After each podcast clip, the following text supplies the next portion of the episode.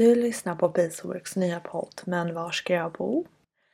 Det här är poddens första avsnitt så jag ville bara påminna om att bli medlem i Peaceworks om du inte redan är det och om du är under 26 så vi kan fortsätta vårt arbete. Trevlig lyssning! Välkomna till Peaceworks podd Men var ska jag bo? Idag sitter jag med Anneli Philipsson från Hyresgästföreningen som också har eh, bidragit till boken Bostadsmanifest 22 krav för framtidens hem. Det var så jag hittade Anneli och hennes krav handlar om eh, att följa Sveriges grundlag om bostad. Välkommen hit Anneli! Ja, men tack så mycket! Vi kanske kan börja med att du bara får berätta lite om varför du intresserade dig för de här typen av frågor. Ja, men det gör jag för att jag är engagerad i bostadsfrågor och har varit en stor del av mitt liv och också i politik och påverkan och engagerade människor helt enkelt. Och jag har jobbat på Hyresgästföreningen lite mer än tio år, bland annat med bostadspolitik och påverkan, organisering av hyresgäster i kvarteret och så. Så jag brinner för frågorna och eh, fick en fråga om att få bidra i, i boken med ett kapitel med ett krav och det gjorde jag gärna. Och jag berättar gärna om det här. Mm, vad kul. Jag såg en liten presentationsvideo på Hyresgästföreningens hemsida med dig när du pratade om att, om att det känns bra att jobba på Hyresgästföreningen för att ni är liksom the good guys som jobbar för mer rättvisa på bostadsmarknaden. Det tyckte jag var fint. ja, jag använder ofta det och jag tycker alltså att det är väldigt kul att jobba i en good guy-organisation. Det är gott att göra skillnad och det mm. gör man i Hyresgästföreningen såklart när man jobbar där men de allra, allra flesta Hyresgästföreningen det är ju medlemmar och det är förtroendevalda och det, det gör skillnad att vara med helt enkelt. Vi ska prata mer om Hyresgästföreningen men först kan du väl berätta lite om ditt kapitel och krav i boken? Nej, det handlar ju som sagt om, eh, om krav för framtidens hem. Och för att vi överhuvudtaget ska få några hem, eller det har vi redan, men tillräckligt många hem till alla som behöver ett hem och önskar ett hem, så krävs det en politik som liksom styr mot det målet att alla ska ha rätt till en bostad. Så är det inte idag. Politiken har inte den som sin ledstjärna att alla ska ha rätt till en bostad.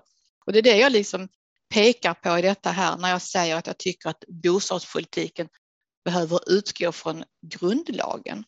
För i grundlagen, det heter regeringsformen, grundlagen hos oss, där står det, ja det står mycket att läsa, men det står bland annat att läsa att eh, den enskildes personliga, ekonomiska och kulturella välfärd ska vara grundläggande mål för den offentliga verksamheten. Särskilt ska det allmänna trygga rätten till arbete, bostad och utbildning samt verka för social omsorg, trygghet och för goda förutsättningar för hälsa. Men jag tycker inte att jag kan se det i, i politiken, inte i politiken som förs, men inte heller i de målen som regeringen sätter för, för politiken. Där handlar det mer om en väl fungerande marknad, långsiktigt väl fungerande bostadsmarknad där konsumenternas efterfrågan möter ett utbud som motsvarar behoven. Liksom där, där vi som boende har gjorts till konsumenter och där bostaden skulle vara en vara och att det ska balanseras mellan tillgång och efterfrågan. Och då skulle jag ju mena istället att politiken skulle utgå från att alla ska ha rätt till en bostad, att det ska vara de övergripande målen. Dessutom så står det ju faktiskt också i, i, i FNs konvention om mänskliga rättigheter att alla har rätt till en bostad. Och det tänker jag att, eh, att hade man haft det som ledstjärna så skulle man behövt utforma den praktiska politiken och praktiska lagarna och sånt som man stiftar i riksdagen utifrån allas rätt till en bostad. Och det som kommunerna arbetar med eh, som har ansvar enligt lagen ansvar för bostadsförsörjningen skulle också behöva grundas i att alla har rätt till en bostad. Då tror jag vi skulle sett en helt annan politik, vi skulle sett ett helt annat bostadsbyggande.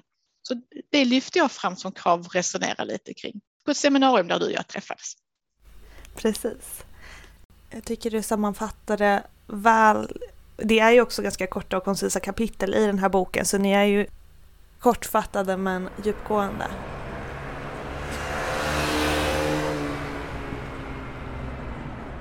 Du har skrivit lite tankar på hur man skulle kunna föra den här politiken. Vill du berätta lite om de tankarna? Det gör jag jättegärna. Jag tänker hela liksom, mitt resonemang genomsyras av att eh, politiken och samhället behöver ta ett mycket större ansvar för eh, bostadsförsörjningen för att vi alla ska ha bostad och för själva bostadsbyggandet och det gör man inte idag. Utan man har överlåtit det här åt marknaden och det hörde vi ju när jag läste upp vad nuvarande mål är, alltså långsiktigt välfungerande marknader. man har tänkt att här ska marknaden lösa.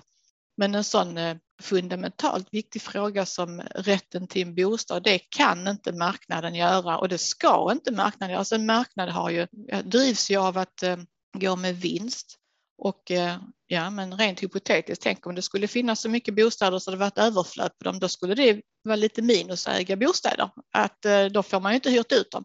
Alltså marknaden mår ju bäst av eh, för sin egen skull. Alltså den som äger mår ju bra att det finns en viss eh, obalans, att man vet att det alltid står någon ny i kö som vill ha den där tomma bostaden. Så att därför blir det lite konstigt att tänka att, att marknaden skulle kunna ha ansvaret för att vi inte ska ha någon bostadsbrist och ansvaret för att alla ska ha rätt till en bostad. Därför tänker jag att det krävs lite statlig styrning, mer statlig politik och statligt ansvar för det. Och eh, i praktiken så skulle det då kunna, liksom, man kan titta på, på liksom vad behöver nationella politiken göra, vad behöver riksdag och regering göra? Ja, men de behöver ha en, en politik med mål för bostadsbyggandet. Hur mycket behövs byggas varje år? Och så får man ta fram planer för hur det ska kunna genomföras. Och det kan handla om, om eh, ekonomiskt stöd och annat för att det ska komma igång med bostadsbyggandet. Alltså det här har gått att göra för. Det går att göra igen om liksom viljan och ansvaret för, för det finns. Det kan också från nationellt håll, riksdag och regering, handla om ehm, att se över hur, hur skatterna ser ut. Idag är hyresrätten hårdare beskattad än det ägda boendet. Jag går inte in i alla detaljer i det för det skulle vi inte hinna med. Jag skulle inte ens greppa det själv heller.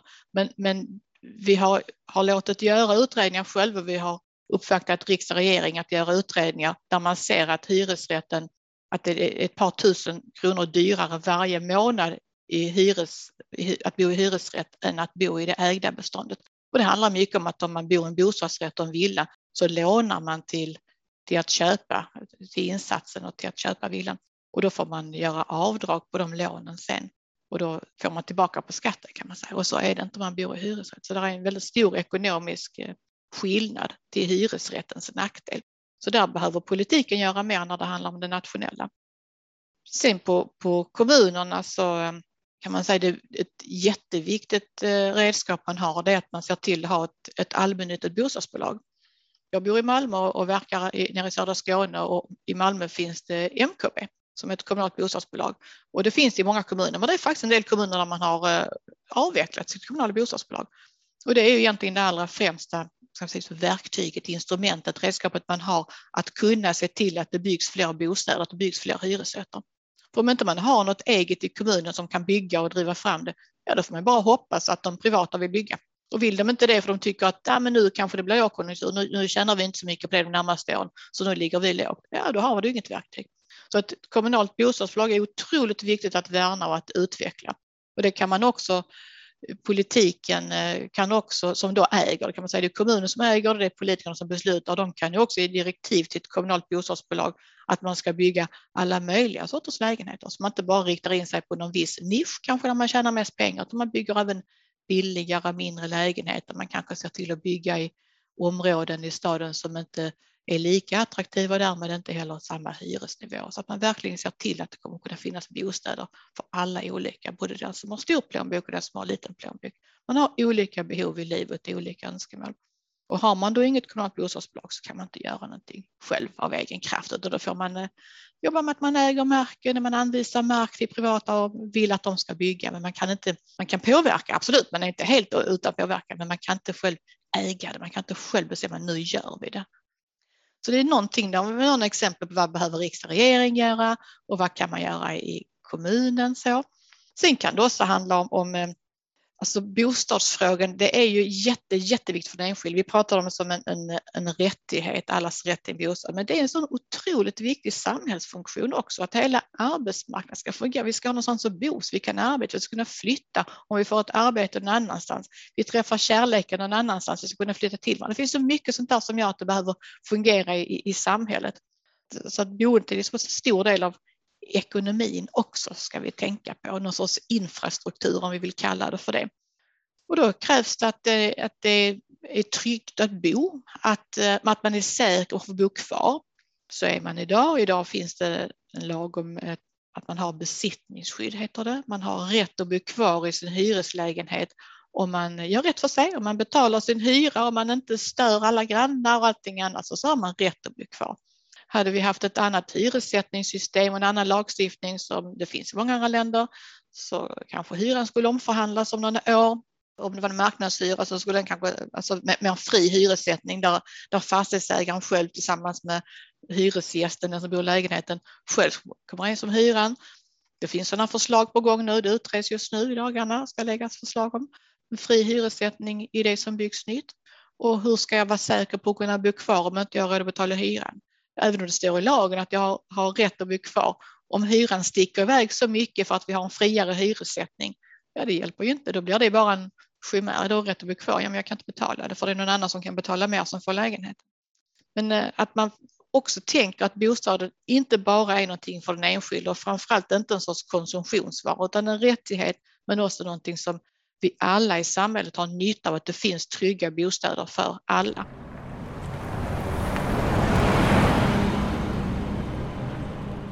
Ett exempel som man då ska fundera kring är allas rätt till en bostad. Men hur förmedlar man bostäder? Vilka krav sätter man när folk ska, ska hyra sin första bostad eller bostad överhuvudtaget? Vad, vad är det som är rimligt? Idag finns det sådana krav på ett, att man kanske ska ha, eh, när hyran är betald ska man ha tre gånger hyran kvar. Liksom. Ja, det kan ju, kan ju vara ganska ointressant tycker jag hur mycket jag har kvar av min lön när jag har betalat min hyra. Om jag bedömer att jag har råd att betala hyran och klara mitt uppehälle sen så kanske det räcker så. Och där, där börjar vi röra oss lite mot din yrkesroll kanske och Hyresgästföreningens arbete för eh, som du säger så, så tror jag också att de här kraven oftast är väldigt höga på hur, hur mycket inkomst man ska ha och så vidare. Men, men också att ensam inte alltid är så stark på en marknad och då är det bra att ni finns och kan liksom eh, agera på ett mer strukturellt plan kanske man kan säga. Vill du berätta lite om Hyresgästföreningens arbete? Ja men gärna. Och vi, du sa att vi finns, ja vi det är faktiskt över en halv miljon. Det är över en halv miljon människor, eller hushåll till och med, som är medlemmar i Hyresgästföreningen. Och därmed sagt att Hyresgästföreningen är en folkrörelse. Det är en stor förening, kanske rent av landets största folkrörelse.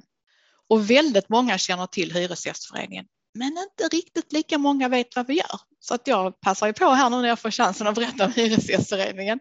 Nej, men det, det, det som man brukar veta är att ja, men hyresgäster de förhandlar hyror. Mm, det gör vi. Det gör vi och, och det är ett uppdrag vi har fått eh, både av medlemmar och av, faktiskt av lagstiftaren också. I, I hyresförhandlingslagen så står det att, att hyran fastställs av eh, fastighetsägare eller organisation av fastighetsägare. Och eh, å andra sidan, den andra parten är då organisationen för hyresgäster. Och det är ju faktiskt Hyresgästföreningen. Vi är ju en organisation av hyresgäster så därför är vi parter på, på bostadsmarknaden och förhandlar hyror.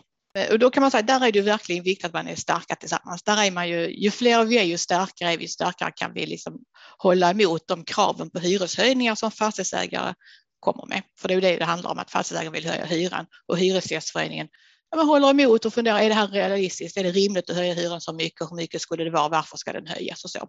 Och det gör man ju eh, tillsammans med, med förtroendevalda som bildar eh, förhandlingsdelegation som är de som fattar beslut om hyran, alltså mandatet i de här förhandlingarna och eh, säger ja eller nej till de överenskommelserna.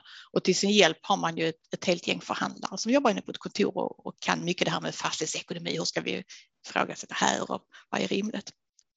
Så att förhandla hyror gör ju på Hyresgästföreningen när fastighetsägaren vill höja hyrorna. Jag har aldrig hört att de har kommit att vilja sänka dem, men det, det, vi är med på det. Vi är helt med.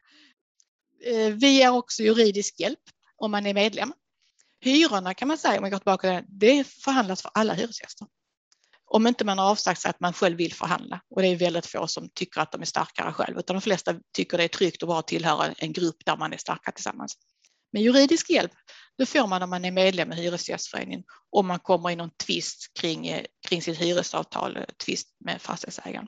Så kan man få rådgivning, men man kan också bli företrädd om, om det ska drivas vidare rättsligt helt enkelt. De två sakerna tror jag många vet om oss.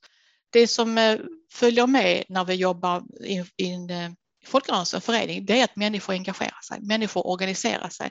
Man bildar lokala hyresgästföreningar i kvarteret där man bor och är man inte så många som man bildar en hel förening och styrelse så kanske någon säger att ja, men jag kan vara husombud. Och så är man då liksom länken mellan organisationen, hyresgästförening, fastighetsägaren och grannarna. Och man kan vara den som folk kan vända sig till när man tycker att nu är det faktiskt dags att rusta upp här på gården eller sophanteringen funkar inte, där är ju alltid fullt, vi kanske behöver ha fler sop. Alltså den där som kan vara rösten, hyresgästernas röst. Och det kan man vara i en styrelse också i en, en lokal hyresgästförening och då blir man vald av, av grannarna. Och så är man det under ett års tid till nästa årsmöte och sen så fälls man om eller så nej men nu har jag gjort det några år, nu kanske någon annan kan ta vid.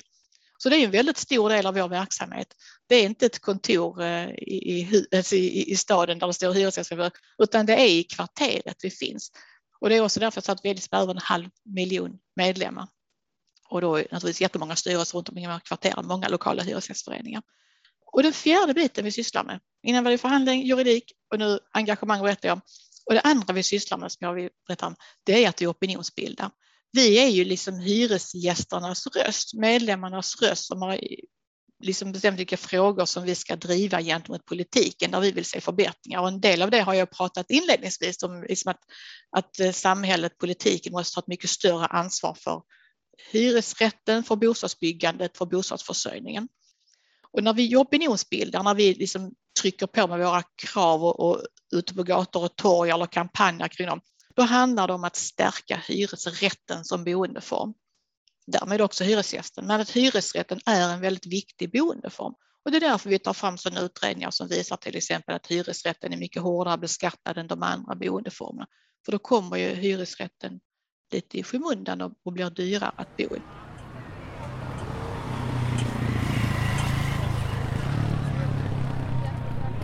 Vi, vi säger att vi med så många medlemmar och en hel del anställda så har vi otrolig kunskap.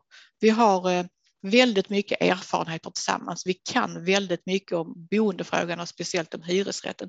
Så vi säger att ja, men vår bästa metod är att vi påverkar genom fakta och erfarenheter. Brukar vi, säga. vi har väldigt mycket kompetens och bidrag. Vi kan detta här. Och därför kampanjar vi till exempel eh, mot marknadshyra. Vi har väldigt, det kommer ju nu krav i, från olika håll eh, från politiken, bland annat man ska utreda att ha fri hyressättning i nyproduktion, det vill säga marknadshyra, ett annat ord för det. Och det tror vi att mycket av det kommer fram för att man inte har satt sig in i hur hyror förhandlas idag och vad som faktiskt fungerar väl idag och vad som inte fungerar väl. Där eh, en friare hyressättning inte alls skulle råda bot på någonting med bostadsbrist och ökat bostadsbyggande. Och då berättar vi om det och uppvaktar även politiker och andra beslutsfattare med rapporter med underlag för att visa att så här ser det faktiskt ut. Det är inte det som är problemet.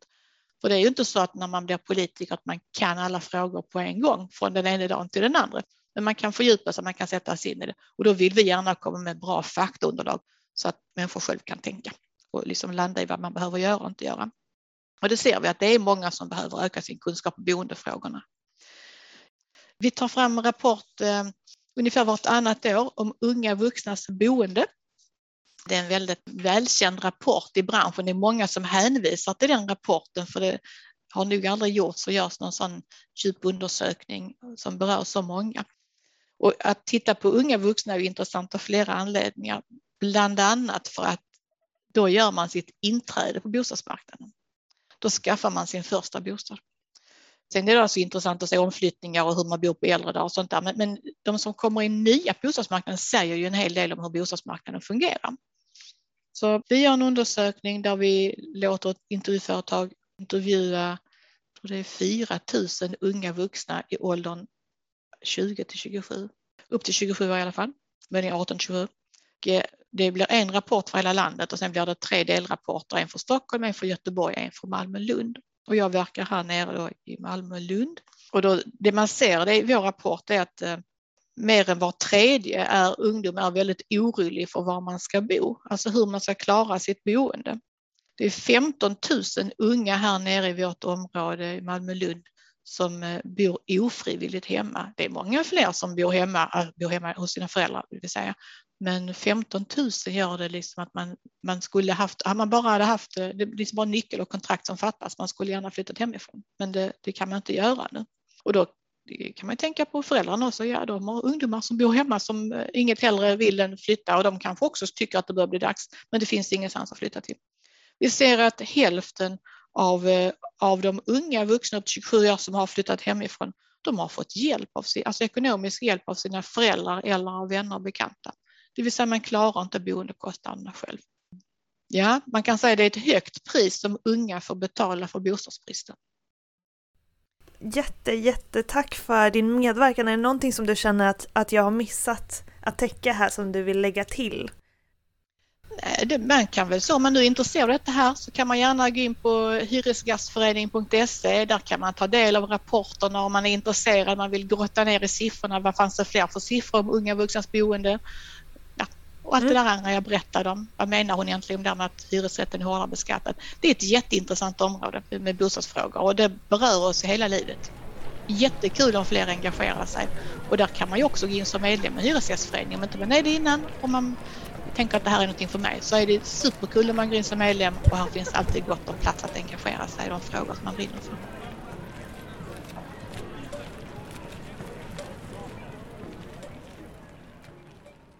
Du har lyssnat på Peaceworks podd Men var ska jag bo? Är du intresserad av att vara med i ett framtida avsnitt så mejla oss på info.peaceworks.se. Vi spelar fortfarande in avsnitt. Och glöm inte att bli medlem. Tack för idag!